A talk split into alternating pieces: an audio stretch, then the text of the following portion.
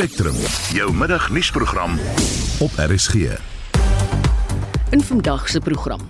Die ANC se langverwagte nasionale beleidskonferensie begin te midde van versoeke aan Cyril Ramaphosa om op sy te staan. Die regering het 'n dispuut by die Wêreldhandelsorganisasie verklaar oor die Europese Unie se nuwe maatreël vir die koue ketting van Suid-Afrikaanse sitrus en die politieke spanning tussen China en die VSA neem toe oor die Amerikaanse spreker Nancy Pelosi se voorgenome besoek aan Taiwan. In Congress, there is quite strong support for Taiwan, and that also adds to, I think, Chinese suspicions and confusion. Goeiemôre, baie welkom by Spectrum onder redaksie van Jean Estreisen. Die produksieregisseur is Johan Pieterse en ek is Marieta Kreur.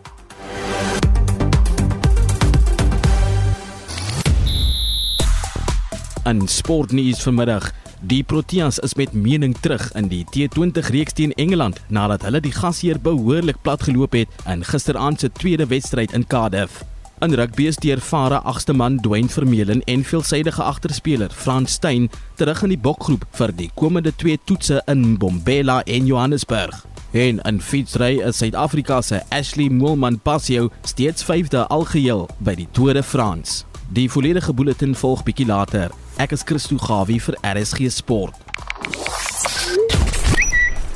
Die Hitsmerk ANC Policy Conference is 'n gewilde onderwerp op sosiale media.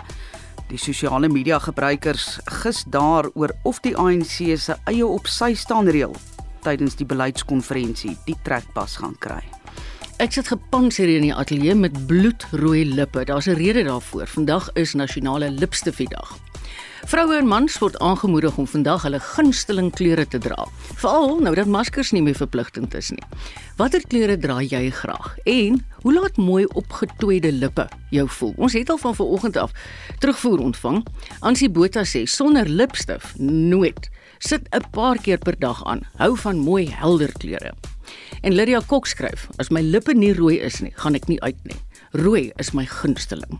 Ons wil baie graag hoor wat is jou mening oor jou gunsteling lipstifie kleur? SMS gerus na 45889 kos R50 of praat gerus saam op die Monitor en Spectrum Facebookblad.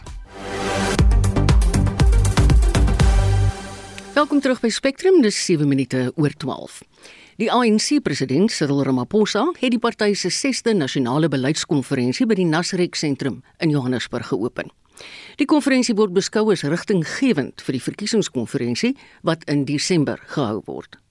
Vir meer praat ons nou met die politieke ontleder aan die Noordwes Universiteit se Besigheidsskool professor Andrei Dievenage. Goeiemôre Andrei. Middag Marita. Wat sou jy graag van die ANC president wou hoor? Marita, ek sou graag wou sien dat hy afwyk van die sentrale grondbeginsel van die nasionaal-demokratiese revolusie idee wat basies gaan oor 'n party wat polities, ekonomies en sosiaal beheer het van die samelewing na 'n party waar 'n partystruktuur wat binne 'n bepaalde konstitusionele bedeling daarna strewe om kom ons sê ekonomiese groei, stabiliteit en basiese voorwaardes wat 'n staat moet doen na te kom. Maar ek is bevrees ek het die eerste dele van die toespraak reeds gehoor. Die nasionaal-demokratiese revolusie idee is baie sterk op die agenda, mm. maar in dieselfde asem praat hy ook van die vernuwing, the renewal of the party. Wat ek presies daarmee bedoel, is nie duidelik nie. Ek het ook die eerste deel tot voor ons program begin het geluister en daar moet ek met jou saamstem. Andre, dink jy ons sal kan sien gedurende hierdie beleidskonferensie watter van die faksies binne in die ANC sterk na vore tree? Ek dink dit gaan die belangrikste uitkoms wees. Ek dink nie ons moet sulke verskriklike beleidsuitkomste verwag nie. Wat ons eerder sien hier is kandidate wat hulle kandidatuur en hulle verkiesingsveldtogte binne 'n beleidskonteks probeer bevorder. En nou weet jy hoe meer jy populisties is, hoe meer steun kry jy en dit mag die hele beleidsomgewing na die linkerkant toe dwing, na die meer populistiese kant terwyl meneer Ramaphosa aan die ander kant moet poog om met die realiteite van werkloosheid en 'n klomp ander uitdagings, korrupsie nepotisme en so meer te werk. Ek moet ook sê dit kom in 'n midde van 'n tyd waar die ANC nie sy eie mense by hulle toeliehuis kan betaal nie. Uh, ek het vanoggend 'n onderhoud met 'n ander stasie gehad waar die stelling vir my gesmaak is uh, waar ek bes kommentaar lewer dat meneer Jacob Zuma aangedui het dat hy nie 1 Augustus by die hof gaan opdaag nie. Nou dit is alles indikatore van groot konflik binne die ANC en ek verwag dat veral die RET groep aan die een kant en die Ramaphosa groep aan die ander kant gaan probeer om as die dominante groep uit hierdie stryd uit te tree, ten minste sigbaar, ten minste psigologies die oorhand te kry hmm. en ek dink werklike beleidskwessies gaan 'n bietjie op die uh, agterstoep van die huis wees. Verwag jy enige robuuste debat oor hierdie opsystaande reël? Ek verwag dat die opsystaande reël die belangrikste en die mees kontroversiële aspek van die konferensie kan word. En die ANC se kultuur is die van 'n robuuste demokrasie nou waar demokrasie eindig en waar geweld begin mm. in 'n ANC konteks is nie altyd duidelik nie, maar robuuste debat definitief.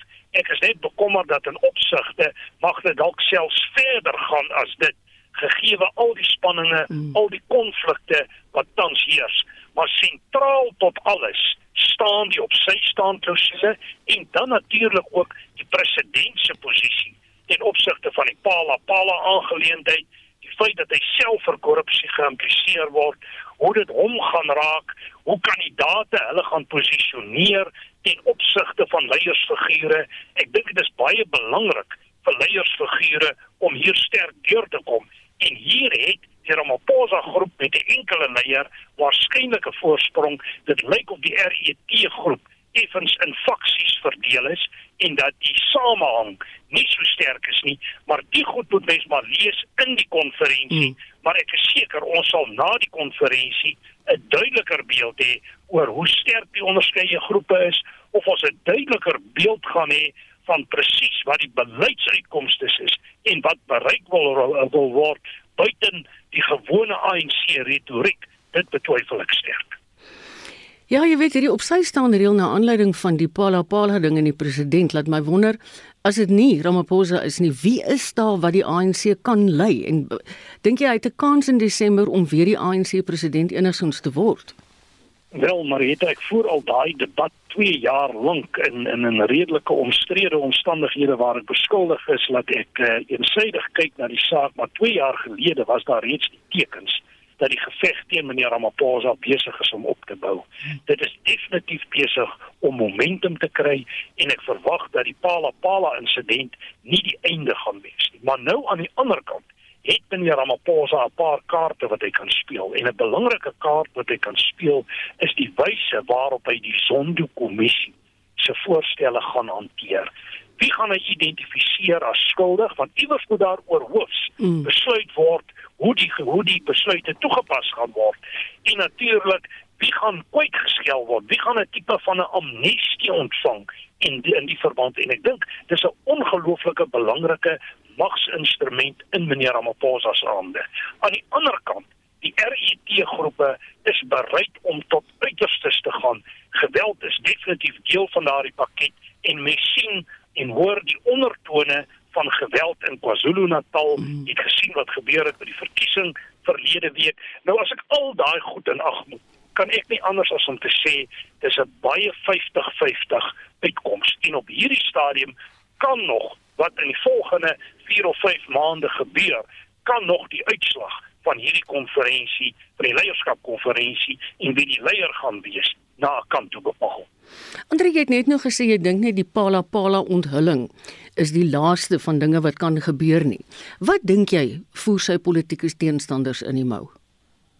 Maar het daar enige iets wat hulle kan kry om teen hom te gebruik? Dis letterlik dat hy op hierdie stadium vir hulle 'n oop teken is. Daar is 'n nommer op sy kop. Hy moet verwyder word en op 'n stadium het die gerugte al begin loop dat hy uh verwyder kan word en verwyder gaan word. Uh wat my 'n bietjie bekommer is dat meneer Ramaphosa geweldig laag speel binne hierdie geveg en dat hy half wag dat die geveg eers verbygaan en dan is hy amper soos 'n jakkals wat sy oog weer wys en dan gaan hy weer 'n bietjie aan. Ek dink hy sal baie sterker na vore moet tree. En 'n mens moet sê as jy 'n keuse moet maak, en nou praat ek vanuit 'n Suid-Afrikaanse oogpunt, tussen die leierskap van meneer Ramaphosa met sy sigbare groot beperkings wat daarmee saamgaan. En dan aan die ander kant die moontlikhede van mense soos eh uh, Zweli Mkhize, eh uh, Zulu en uh, selfs kom ons sê die op sy staan klousule word geskraap en Ysmagashule of Nkosazana Dlamini Zuma hulle daardie mense maak hulle verskyning. Dit sal by my geen twyfel dat meneer Ramaphosa die beter keuse is. Ja. Maar meneer Ramaphosa sal hom moet verbind tot radikale hervorming van die Suid-Afrikaanse politiek, die Suid-Afrikaanse ekonomie en die Suid-Afrikaanse samelewing want die krisis in Suid-Afrika het so omvang bereik dat ons nie meer kan bekostig om met slap rug leiers verder te gaan nie. So hy sal hom moet verbind en daar is mense wat meen dat hy na die leierskapkonferensie meer daadwerklik en meer daadkragtig kan optree. Ek dink op die oomblik is dit na my oordeel die beter scenario hmm. vir Suid-Afrika. Baie dankie Andre, dit was professor Andre Dievenage, 'n politieke ontleder aan die Noordwes Universiteit se Sakeskool. Die geskorste openbare eh, beskermer, Bosisiwe Mqwebane, se regsverteenwoordiger Dali Mpofu, het probeer om die getuienis van Spelo Samuel voor die parlement se artikel 194 komitee te diskrediteer. Die komitee ondersoek Mqwebane se geskiktheid vir die amp van OB. Zelin Merrington het meer. Spelo Samuel, die hoof van die Vrystaatse kantoor van die openbare beskermer, het in 2020 aan die parlement geskryf om te vra vir 'n ondersoek na die gedrag van Mqobane. Hy sê hy was onder die indruk dat sy probeer het om die vrede suiwel plaas ondersoek onder die mat te probeer vee as gevolg van die politici wat betrokke is. Een van hulle, Mosebenzi Zwane, die voormalige Vrystaatse LER vir landbou, was by Mqobane se 50ste verjaarsdagpartytjie opgemerk. The fact that you cannot socialize with a person that you're in investigating. It's a sign of conflict of interest. I see. You don't think it's misconduct or incompetence? I would say it is. It results in incompetence to appreciate one's role, uh, and and therefore might be misconduct. Samuel het aangevoer dat sy nie voldoende leierskap getoon het nie wat ontbloot was tydens die dag-tot-dag -dag bestuur van die kantoor because it exposed a lack of leadership, of taking leadership in those think tanks. It showed the lack of legal knowledge, exposed her limited knowledge to the extent that abolishing the think tank would stop that kind of exposure, where she would feel undermined by her staff. Mpofu het probeer bewys dat Samuel nie 'n geloofwaardige getuie was nie. Hy het verwys na Samuel wat skuldig bevind was aan aanranding, dat hy die OB beledig het en dat hy aangekla was daarvan dat hy die kantoor in oneer gebring het. Campaigning to, uh, canvassing other employees to join you to ask for the resignation of Advocate Koban, correct? You alone. You called for the resignation of your boss, correct? Correct, yes. And so that's the kind of employee that you are. Have you ever heard of such a thing? Of a, a an employee going public to call for the resignation of their boss? What must happen? So a person who has done the things that you have admitted to here, you would agree that the only sensible a person like that should not be seen anywhere near our public protector's office. Dit was advokaat Dalium Pofu, die regsverteenwoordiger van die geskorste OB Bosisiwe Mqobane, Zelin Merrington, Parlement. 12:19 en nou buitelandse nuus. Volgens berigte het die Chinese president Xi Jinping sy Amerikaanse ewig nie Joe Biden gevra om gehoor te gee aan die sogenaamde een China beginsel. Dit volg nadat spanning toeneem oor die Amerikaanse spreker Nancy Pelosi se voorgenome besoek aan Taiwan. Vir meer praat ons nou met 'n politieke ontleder aan die Universiteit van Pretoria, Roland Henwood. Goeiemôre Roland. Goeiemiddag Marieta. Kyk, ons weet van die spanning tussen China en Taiwan, maar hoekom is Pelosi spesifiek se voorgenome besoek nou problematies? Ek dink daar's twee redes daarvoor. Die een is dat sy die mees senior ehm um, lid van ehm um, CSA breedweg regeringsstelsel gaan wees wat in seker amper 30 jaar Taiwan besoek en die huidige leierskap in China is geweldig sensitief vir enige vorm van erkenning aan Taiwan wat moontlik lyk asof dit die soewereiniteit of moontlike onafhanklikheid van Taiwan gaan ondersteun of ten minste simbolies gaan ondersteun. Hmm. daarmee saam die perspektief dat sy is die derde in lyn indien die president in die FSA iets sou oorkom, dan is hy die derde persoon in lyn om waar te neem as president. En ek dink dit word waarskynlik in China gesien as dat dit beteken eintlik dat die FSA erken nou Taiwan as 'n soewereine rolspeler. En dit dryf in teen die beginsels van die beleid wat aanvaar is al van die 70s die sogenaamde een China beleid waar die FSA ook aanvaar en, en onderskryf die beginsel dat Taiwan deel is van China en, en later meer volledig deel kan word van China. Ehm um, hoe dit gebeur is nou natuurlik baie verskillende interpretasies. Maar maar dit lyk asof dit onderliggend is aan die aan die kommer dat daar nou baie hoë profiel besoeke en eintlik 'n hmm. baie hoë vlak van erkenning aan Taiwan gegee word. Kyk, China het Amerika vroeër reeds gewaarsku dat die besoek ernstige gevolge sal inhou en ek vermoed dit is nie leedreigemente nie. Nee, ehm um, as mens terugdink in die vorige besoek was Newt Gingrich, hy was ook die spreker gewees en sy besoek het nogal redelike gevolge gehad in 'n tydperk toe China glad nie so sterk en so seker van sy rol en optrede was soos nou nie.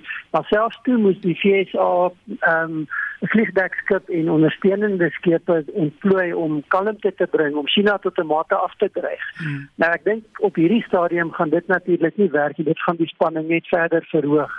En die vrees is dat China en die FSA is dat China nou irrasioneel gaan optree deur byvoorbeeld militêre optredes te doen van een of ander aard om te probeer keer dat dat die besoek plaasvind of selfs om te probeer keer dat enige iets wat lyk asof dit Taiwan gaan ondersteun plaasvind.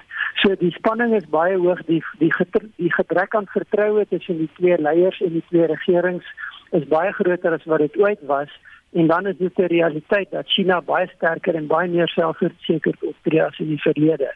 So daar's 'n baie groot moontlikheid van 'n uh, onvoorsiene insidente wat kan plaasvind.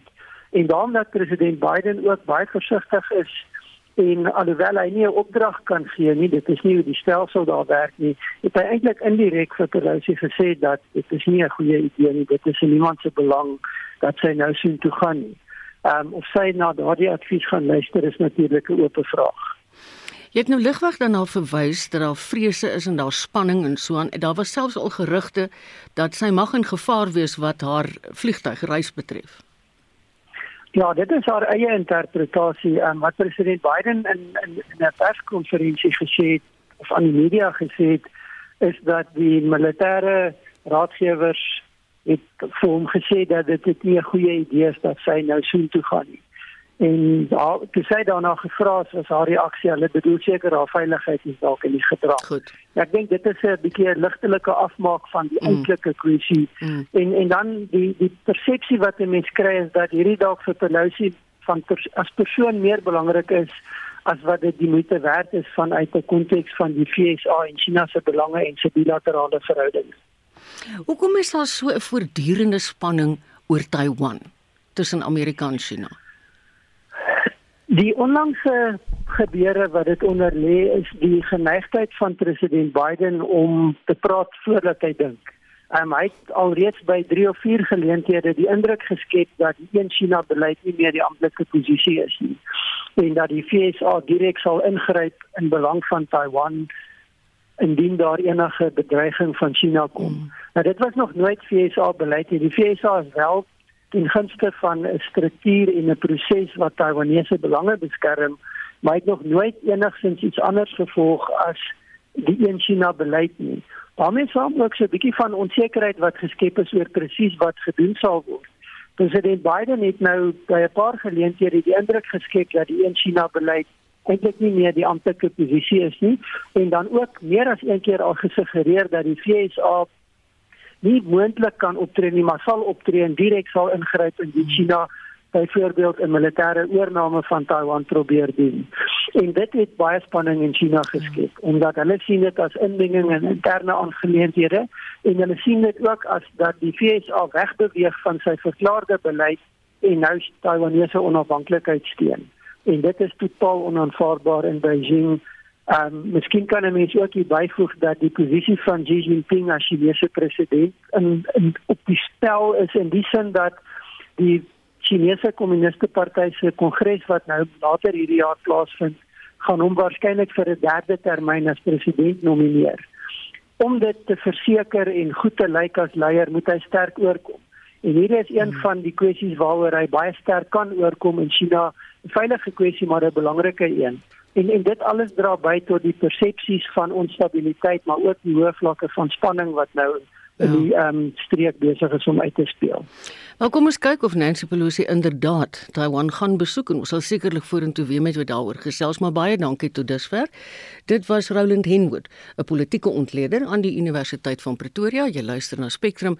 Dit is nou 12:26. 'n Durbanse tegnikus wat die afgelope 7 jaar net sonkrag by sy huis gebruik, sê dit is vir middelklas huishoudings moontlik om van die Eskom netwerk te ontkoppel. Dit kom nadat president Ramaphosa vroeër die week sakeondernemings en huishoudings aangemoedig het om sonkrag op te wek as deel van sy plan om die kragkrisis op te los.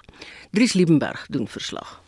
Die 65-jarige Graham Robjant sê toe die publiek in 2014 weens beurtkrag aangemoedig is om na 11 watt energiebesparende gloeilampe oor te skakel, het hy besluit om homself heeltemal van Eskom af te speen.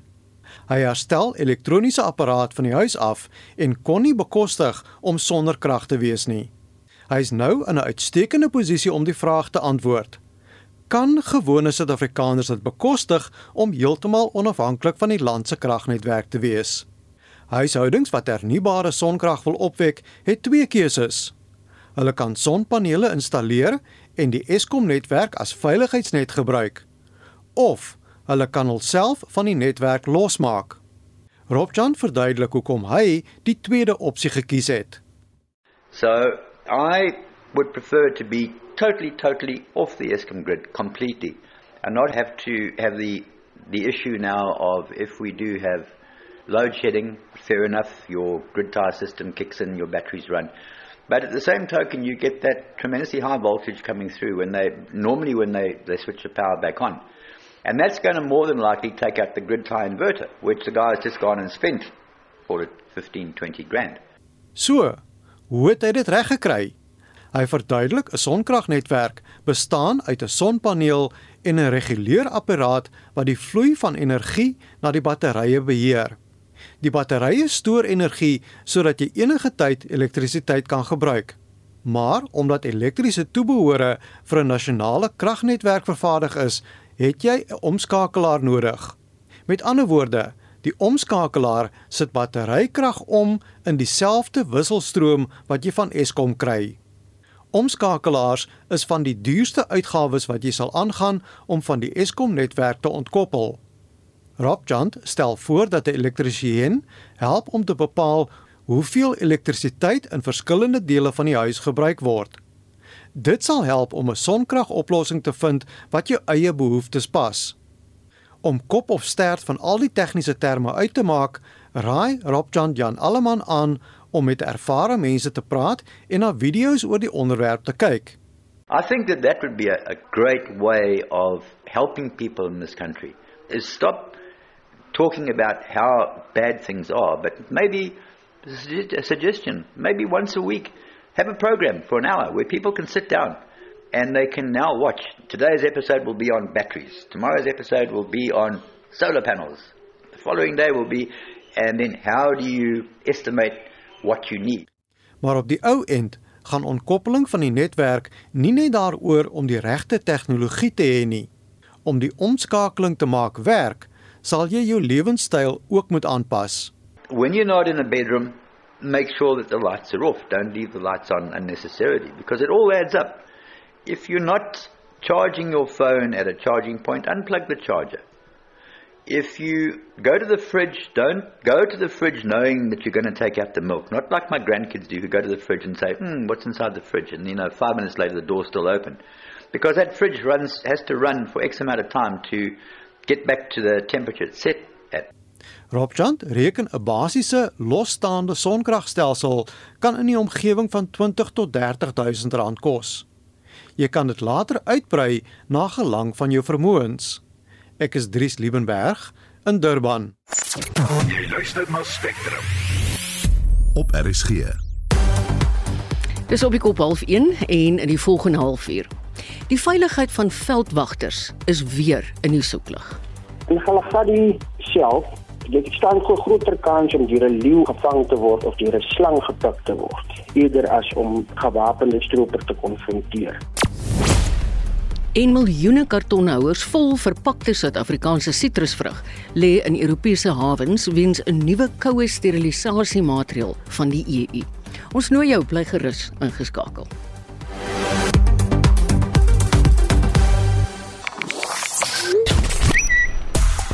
Hitsmerk Renaissance is heel bo aan die lys van gewildste onderwerpe, gevolg deur die hits Beyoncé.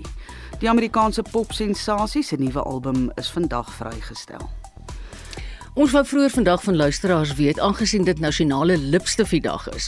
Watter kleure dra jy baie graag? Nou skryf Susan Mitchell op Facebook.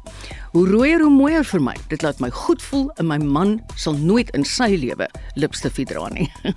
Janine Damon sê wynrooi is 'n moed vir my. Lien Geldenhuis uit 'n koue en nat bloemfontein het ons ge-SMS en sy sê hoe rooier hoe mooier. Dit werk vir my. 'n Anonieme luisteraar skryf: "Lipstifie se kleur word bepaal deur my boostuk se kleur. Ek het vandag 'n bloedrooi trui aan, so rooi is dit, nooit daarsonder nie." En Elsie skryf: "Sensuele vars rooi en verskeie skakerings van oranje, asook 'n sappige pink is die kleure wat werk vir my vir elke by en elke uitrusting." Ek kan gerus steeds saampraat as jy wil op die Monitor en Spectrum Facebookblad. Fietsry, cricket en rugby is op Christo Gawie se sportspyskaart. Goeiemiddag, ons begin met cricket.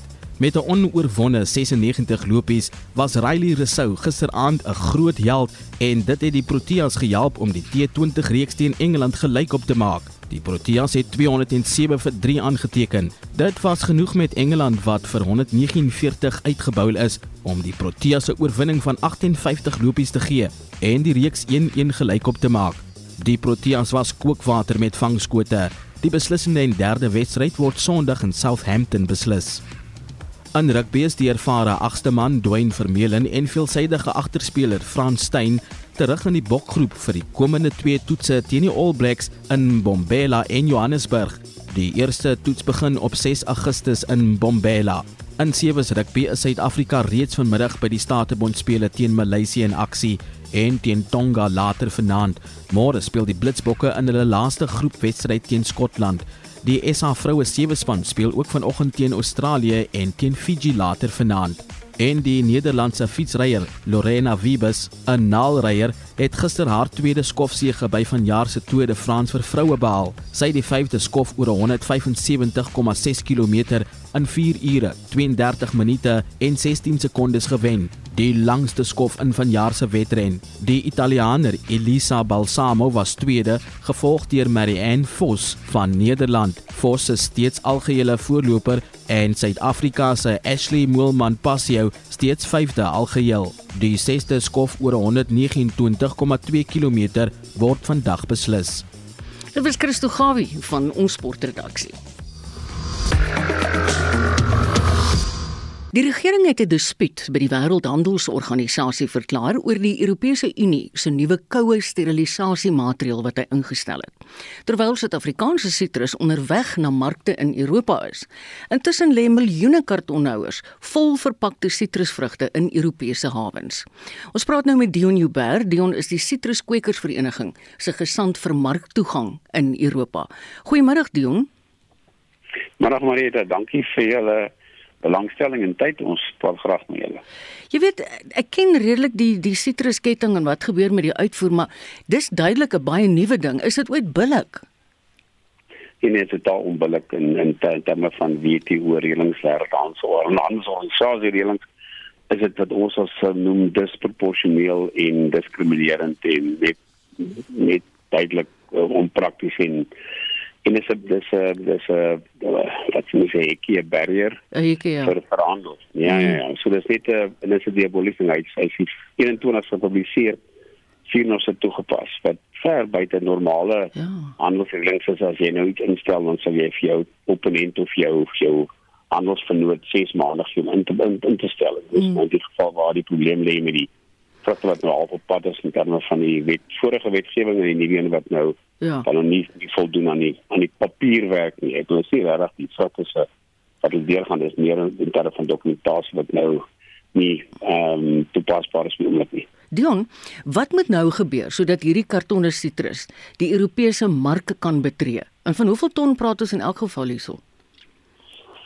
Aan ons berekening was so 1300 1400 houers wat nou tussen die 24ste wat die EU be be besluit het dat ons moet ehm um, dit toepas tot sê maar die 14de wanneer ons dit begin toepas want die ons het so 3 weke gevat om nou ons wetgewing te verander ja. dat 'n mens beter kan dokumenteer aan die kant en dan te stuur so ons sit met so 11 12 dae se vrugte wat nou in terme van die vorige wetgewing reeds op pad was toe die ding nou verander het. Mm.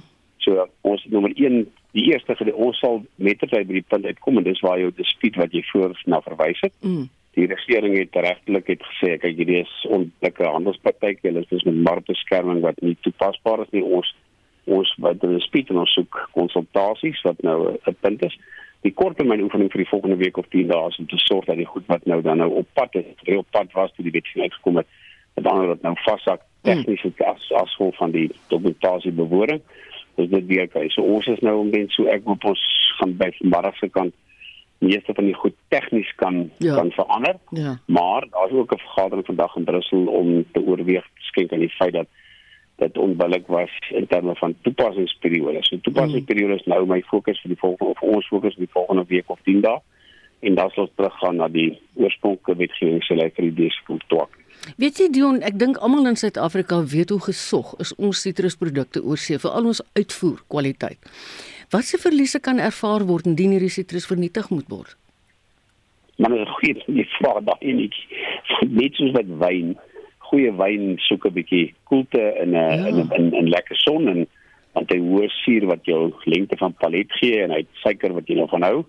Suid-Afrika se ek een ding wat jy van Suid-Afrikaans wat ek kan sê dat dit smaak regtig lekker en die mm. suur behou tot jou mond toe is nou die een wat die die lang lengte van palet smaak wat so interessant is by wyn en, en vrugte mm. ewens. Maar die skade wat ons hier bereken het was potensieel in die orde van 600 miljoen. Nee man. So dit is 'n direkte drama en uh, en dit kan dit kan ou toe maak uh, vir besighede vir die werk verloor. Ja. Ons kan dit van ons ons is 140 000 werksgeleenthede in Suid-Afrika en ons baie trots op groei lekker vinnig en Suid-Afrika moet nou 'n lekker klein noot en 'n goue nugget so ek sal sê om dit te hê. Mm. So ons wil dit beskerm en jy wil nie graag die groei wat daar bestaan as gevolg van goeie ekonomiese toestand in die wielery nie. So jy moet reg nou dit bou en jy probeer dit beskerm.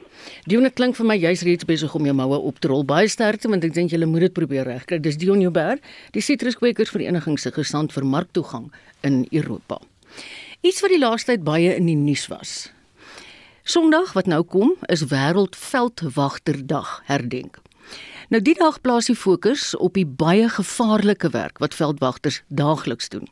Die feit is juis gedemonstreer die afgelope week toe die hoofveldwagter van die Timbawati Natuurreservaat, Anton Mzimba, voor sy huis en sy familie doodgeskiet is. Dit was volgens koerantberigte glo 'n huurmoord wat te doen het met sy teenstroperywerk. Intussen sê Wayne Oppel, 'n veldwagter in die Galagadi Natuurreservaat in die Noord-Kaap, dat stropery van Suid-Afrikaanse fauna en flora steeds 'n groot probleem is. Oppel sê dit bemoeilik hulle daaglikse taak net verder. Oorspronklik was veldwagterwerk meestal instandhoudingswerk en bewaringswerk vir biodiversiteit binne 'n uh, beskermde gebied. Maar nou is dit duidelik baie meer wetstoepassing georiënteerd en die veldwagter self is die eerste lyn van verdediging om ons spesies te beskerm en dis hoe dit in die afgelope tyd baie verander het. Sê vir my, hoe gevaarlik is die beroep deesdae? Dit hang af van waar jy is en wat jy bewaar. In Galagadi self Dit staan vir groter kans om deur 'n leeu gevang te word of deur 'n slang gepik te word, eerder as om gewapende stroper te konfronteer. Maar elke stroop het sy eie uitdagings. Stropery is 'n groot probleem in die land. Nie net van ons groot diere soos renosters en so nie, maar wat anders is stroopers besig om te stroop in die hele deel van die land? Ja, ja, hulle gaan self is nie 'n groot probleem eintlik nie. Maar die onwettige leeuvervolgings. Daar's nou leeu's wat gewoonlik uit die park uitbreek en deur plaaseienaars van kant gemaak word. Is eintlik 'n probleem hier vir ons. Maar in die Noord-Kaap as geheel is met nou maar die oes van skaars vetplante ook 'n uh, groot probleem in, in ons provinsie. Hoe moeilik is dit om hierdie stropery tendense te stop? Dit is nie 'n maklike taak nie. Om te help om die drywers van stropery te identifiseer plaas dit in perspektief van hoekom dit 'n probleem is. As jy kyk na die hoë vlakke van werkloosheid in die land ook, veral geleenthede in die afgeleë gebiede in Suid-Afrika. Tesame met die bykomende uitdagings wat deur COVID veroorsaak was. Mense sal kyk na alternatiewe bronne van inkomste generering en stropery van spesies van belang as 'n vinnige alternatief om sosiale druk te verlig. Dit is dit was die geval van hoë risiko, hoë beloning as gevolg van die prys wat die getekende spesies behaal. Wanneer 'n vraag en behoefte is, sal die kwessie altyd daar wees. En dit probeer stop, dit is baie moeilik. Weet jy gepraat van hierdie leeu probleem, die leeu's van kant gemaak word onwettig as hulle uit die park uitkom. Mense bly langs parke, daar's gemeenskappe, boere, wie ook al. En dit op sigself is al 'n uitdaging want wild is wild en gaan wild bly. Het het julle spesifieke planne wat julle in werking stel of gaan stel om hierdie probleem te stop? Heidiglik die probleem as jy oor grenspark met Botswana, wat is heidiglik is. En aan die Suid-Afrikaanse kant is die probleem nie so so erg soos soos aan die ander kant van Botswana nie. Nou daar is heidaglik planne in die pipeline om opgradering van drade en so aan, maar daar is redelik planne in die, in die pipeline om dit in werking te stel om die probleem te bekamp. Hoekom het jy 'n veldwagter geword? Dis nie 'n maklike werk nie. Jy moet 'n passie hê vir wat jy doen. En as jy nie daai passie het nie, gaan jy nie al die uitdagings kan oorkom nie. As jy byvoorbeeld in die area werk waar jy weet voor jy nie 'n sekere soort plant voorgekom het, nie 'n sekere soort dier voorgekom het nie. En al jou wat jy gedoen het in die afgelope tyd, jy sien na jare sien daai plantjie wat nie daar was nie teruggekom of daai dier se spore is daar wat nog nooit voor en na gewees het nie. Jy moet spesifieke passie hê vir dit. En jy moet toegewyd wees daarteen vir dit ook. So ja, dat jy hmm. moet 'n passie hê vir dit. Susan Paxton, my kollega vir week instaan vandag het gesels met Wayne Oppel. Wayne is 'n veldwagter in die Galagadi Natuurreservaat in die Noord-Kaap. En nou is dit tyd vir ons teaterrubriek met teaterresensent Frans Swart. Leon van Nierop se Plesierengel kan op 4 en 5 Augustus by die Drostdy Theater in Stellenbosch gesien word. Die karakter 'n prostituut Tristan Hansen en die rede waarom hy hierdie rigting gekies en ingeslaan het, het mense dikwels sprakeloos gehad. Die regisseur van die produksie is Leon Pretorius met akteur Roan Wessels in die rol van Tristan. Die FHK se Alugretta Tienertoneelfees is tans aan die gang met meer as 120 verskillende produksies wat opgevoer word. Kobus Smal, die organiseerder van die fees sê dat die fees van 'n klein begin gegroei het na 'n baie groot tienertoneelfees. Die FK Toneelfees het in 2018 begin. Ons het gegroei van jaar na jaar. Ons het begin met 'n week en ons trek nou al op 4 weke. So dit groei en groei net die hele tyd. Ons is baie trots om hierdie aan te bied en nog 'n optreevlak vir die studente te gee. Hy sê dat die standaard van die stukke ongelooflik hoog is. Die standaard voel nie soos tiener toneel net voel of ek professionele produksies kyk. Die kids bring regtig net die beste wat hulle kan en stories wat vertel word is amazing. Ons kan nie vir jou meer verduidelik hoe dit die mens wegvoer na 'n ander wêreld toe nie. Smal sê dat hierdie toneelfees beslis 'n teelaarde is vir nuwe akteurs sowel as nuwe teaterproduksies. Die talent van die skrywers wat ons het is verskriklik goed en dis baie keer leerders of onprofessionele mense wat skryf en dan kom die mooiste stories daarvan uit. Liefde in die wingerd met digter, skrywer, teoloog en musikant Koos van der Merwe kan op 12 Augustus by die Pierneef Theater gesien word. Koos se nuwe wysies en woorde oor die liefde is vol warm gedagtes, soms speels, soms hartseer. Koos sê dis alles akoesties en beleë, sê hy, soos goeie wyn. Werner Velse Liewexie is terug by die Atterbury Theater op 6 Augustus op openbare aanvraag nadat die vorige speelvak totaal uitverkoop is. Anna van Agterberg vertolk die rol van Liewe Heksie. Sy sê dat Heksie deur al die jare so gewild gebly het en deur generasies oorgedra word aan hulle kinders omdat kinders so goed met die karakter van Liewe Heksie kan identifiseer.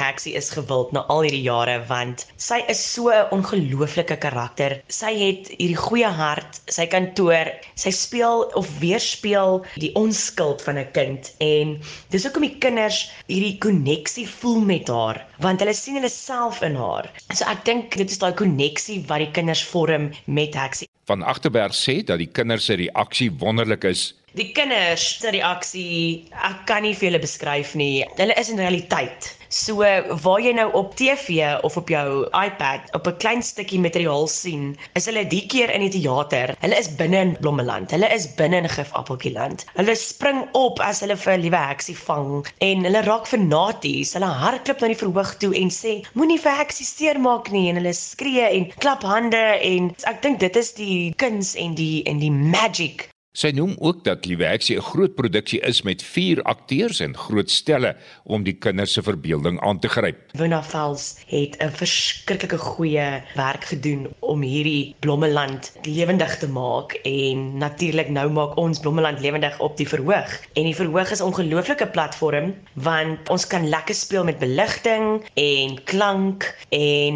ons het groot stelle wat in en uit gedra word. Jy kan 'n hele tuin bou, 'n hele liewe heksie huis bou, ons bou 'n tronk. As hulle nou in Gifappeltjieland is, kan jy die hele Gifappeltjieland op die stage sit en die kostuumering is ongelooflik. So alles word ingekleer. Dit is 'n ingekleurde boek wat 'n fantasiewêreld wat net oop gaan op die verhoog en dit is wat dit 'n ongelooflike produksie maak. Stuur gerus jou teaternuus aan frans@lefra.com. Volg ons ook op Facebook by Teaternuus en gaan besoek gerus ook teaternuus.co.za. Dit was die teaterresensent Frans Swart. Die sake nuus word vanmiddag aangebied deur Johan Strydom van Sanlam Private Welvaart. Goeiemôre Johan. Goeiemôre Marieta. Uh ja, die Johannesburgse effektebeurs verhandel effens stewiger vanoggend. So as kyk dan na die algemene indeksvlak is op 69008 punte, uh wat so 0.6% hoër is. As 'n mens kyk na die onderliggende indekse, dan sien ons die hulpbronne is redelik stewig met uh, wat 2.3% hoër verhandel. Die finansiële kant van die mark is so 0.4% beter en die industriële kant uh sukkel so effens. Ehm um, en hy so 0.4% laer. Bitcoin verhandel op 24018 rand. As ons kyk aan na die na die jongste koers uh op die kapitaalmark en sien ons sê uh 2030 effek verhandel teen 10.4% enkele aandele wat die oog gevang het vanoggend. Ons sien Kumba is so 3.9% beter. Anglo American Platinum is 3.4% beter en Anglo American so 3% beter. Aan die negatiewe kant sien ons Naspers 3.8% laer. British American Tobacco verhandel 3.2% laer en Aspen is 2.6% laer.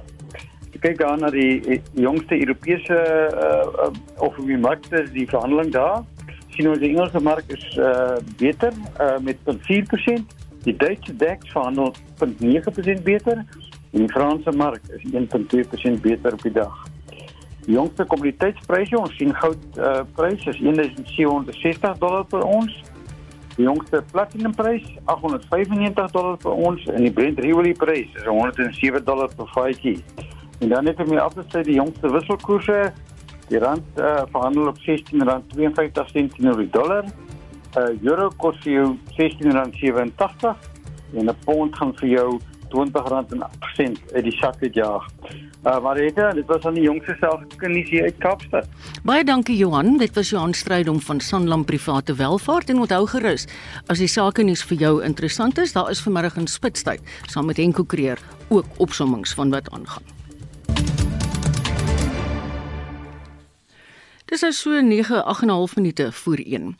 'n Gesamentlike militêre oefening van Suid-Afrika en die FSA vroeër hierdie week het mediese dienste aan duisende mense in gemeenskappe aan die KwaZulu-Natal se Noordkus verskaf. Gesondheidsorg in die gebiede word deur die hoë voorkoms van misdaad gekneelter. Weer Dries. The rebels have triggered a roadside bomb. U.S. military police platoon scouts disembarked in order to return fire. As you can see, the entire platoon is getting on the line in order to maximize firepower.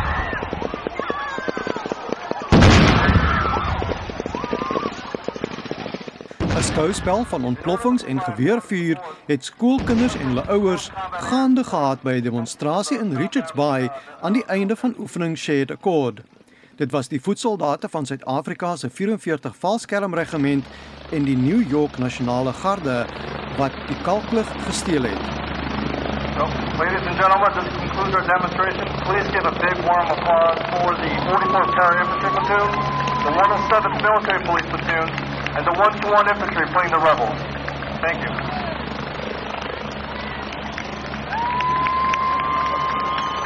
Maar dit was die mediese dienste in misdaadgetuieerde gebiede wat duisende lewens geraak het. Kolonel Brian Maposa van die Suid-Afrikaanse Militêre Gesondheidsdiens sê die departement van gesondheid het klinieke in Richards Bay, Empangeni, Mtubatuba en die Dondota gebied by KwaMbonambi geïdentifiseer wat hulp nodig het. Our presence in the area was partly to try and make sure that there are services which are restored and obviously provide them with the support and provide them with the security. Die leier van die Amerikaanse afvaardiging, generaal Michael Natali, sê tydens die oefening het meer as 3000 mense mediese ondersoeke ondergaan of is deur tandartse en oogkundiges behandel. Hy sê veeartsenydienste is ook aan 4000 diere gelewer. We learned that uh, every contact with someone could be life-changing when it comes to uh, medical practice. So um, I think that was our biggest lesson, our biggest takeaway, I guess, from that experience here is that we were able to impact uh, lives in real time. Die Suid-Afrikaanse Nasionale Weermag se hoof van gesamentlike operasies, generaal Sipiwe Sangweni, sê naas die gesamentlike opleiding het voetsoldate ook saam met die polisie en burgerlike owerhede gewerk om die gemeenskappe te help beveilig. But when the military or soldiers are on the ground, it creates a deterrent at any other time. So for that period, we believe that it did assist in terms of safety and security. Kolonel Chris Cronin van Amerika sê dit was 'n voorreg om die Dondota Sekondêre Skool op Mandela Dag skoon te maak en te verf. But most importantly, our training environment transcended into the communities, especially on Mandela Day. And it was a superb opportunity for our soldiers to work with the South Af the SANDF and, and get out into the communities and uh, as a peaceful force work with the children in the schools on Mandela Day. Generaal Sipiwe Sangweni sê Suid-Afrika hou gesamentlike oefeninge met die weermagte van verskeie lande ter voorbereiding vir vredesendings in lande soos Mosambiek en die Demokratiese Republiek van die Kongo. Ek is Dries Liebenberg in Richards Bay. Die Kaapse Metro gaan binnekort munisipale behuisingsgebiede in Soutrivier en Pickwick aan 'n privaat maatskappy en die ma maatskaplike behuisingsinstituut oorhandig om ontwikkel te word.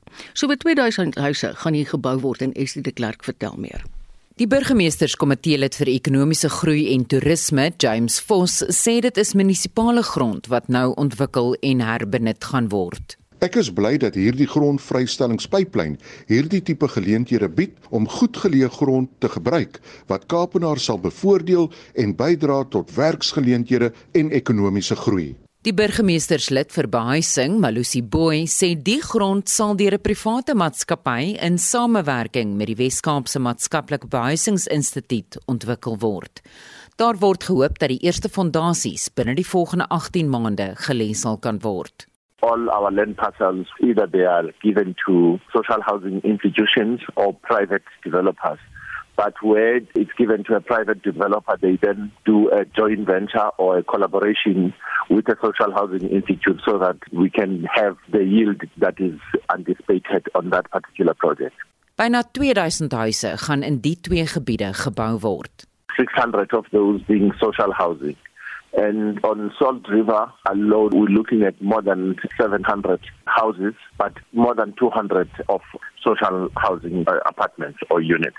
Social housing, it's a totally different set of housing, which is people who earn from about 1,000 up to 22,000 rents. Who are those people? Are your teachers, your policemen, public servants, etc. Hy sê die voltooide huise word deur die Maatskaplike Behuisingsinstituut besit en bestuur. Some of them, because they are open market, so they will be sold to the public by the developers. And those of social housing will benefit people within the bracket that I've indicated. Boy sê honderde werksgeleenthede sal in die proses geskep word. Ek is Estie de Klerk vir SAK nuus. En Eline som nou vir ons die dag se nuusgebeure op. President Cyril Ramaphosa het gepraat tydens die ANC se nasionale beleidskonferensie wat by Nasrek in Johannesburg gehou word. Hy het die konferensie met die volgende woorde geopen: This comrades in many ways is a defining moment for the African National Congress, but also for the alliance, but more importantly for our country as well. Our deliberations over the next 3 days and the resolutions that we will adopt upon recommendation from this conference to our 55th conference and the actions that we will then take will determine the fate of our movement and indeed the direction of our country. Intussen het die leier van die EFF, Julius Malema, gewaarsku dat Suid-Afrika nog gewelddadige opstande kan sien weens hoë vlakke van werkloosheid, armoede en korrupsie. Hy het gekap na president Cyril Ramaphosa en gesê die land moet tot stilstand gebring word om die president te dwing om te bedank. Now we have a crisis with a government that is not held accountable, with a president that thinks he's above the law because he enjoys the protection of the capitalist white media. So the only thing we have is ourselves. We are going to bring our bodies to the streets and demand that Ramaphosa must resign. The violence that is going to happen in South Africa is because the poor are becoming more poorer and therefore there's going to be something like a Arab Spring. Dan het die regsverteenwoordiger van die geskorste advokaat Busisiwe Mqobani, advokaat Dali Mpofu, die parlementêre proses om haar in 'n staat van beskuldiging te plaas as onregverdig beskryf. Mpofu was van plan om 'n werknemer van die OB se kantoor, Spello Samuel, verder te ontkruis ondervra, maar is in sy spore gestuit. Then we come here to continue the cross examination with no reference to us. The process just moves on. This is completely unfair. We can't run this like a kangaroo court. It can't happen like that. I mean, at the very least, someone should have given me the courtesy of indicating A, that I'm being gagged, or that the cross examination is finished. Dit was Dalium Pofu advokaat en ons sê dankie vir Annelien wat vir ons die dag se nuus opgesom het. daarmee gaan ons altroep met vanmiddag se Spectrum. Hoop jy dit geniet. Onthou gerus kwart voor 6 vanmiddag is daar brandpunt. En ons gaan oorskuif na die Kaapse ateljee toe waar hulle gereed sit met die 1 uur nuus. Totsiens.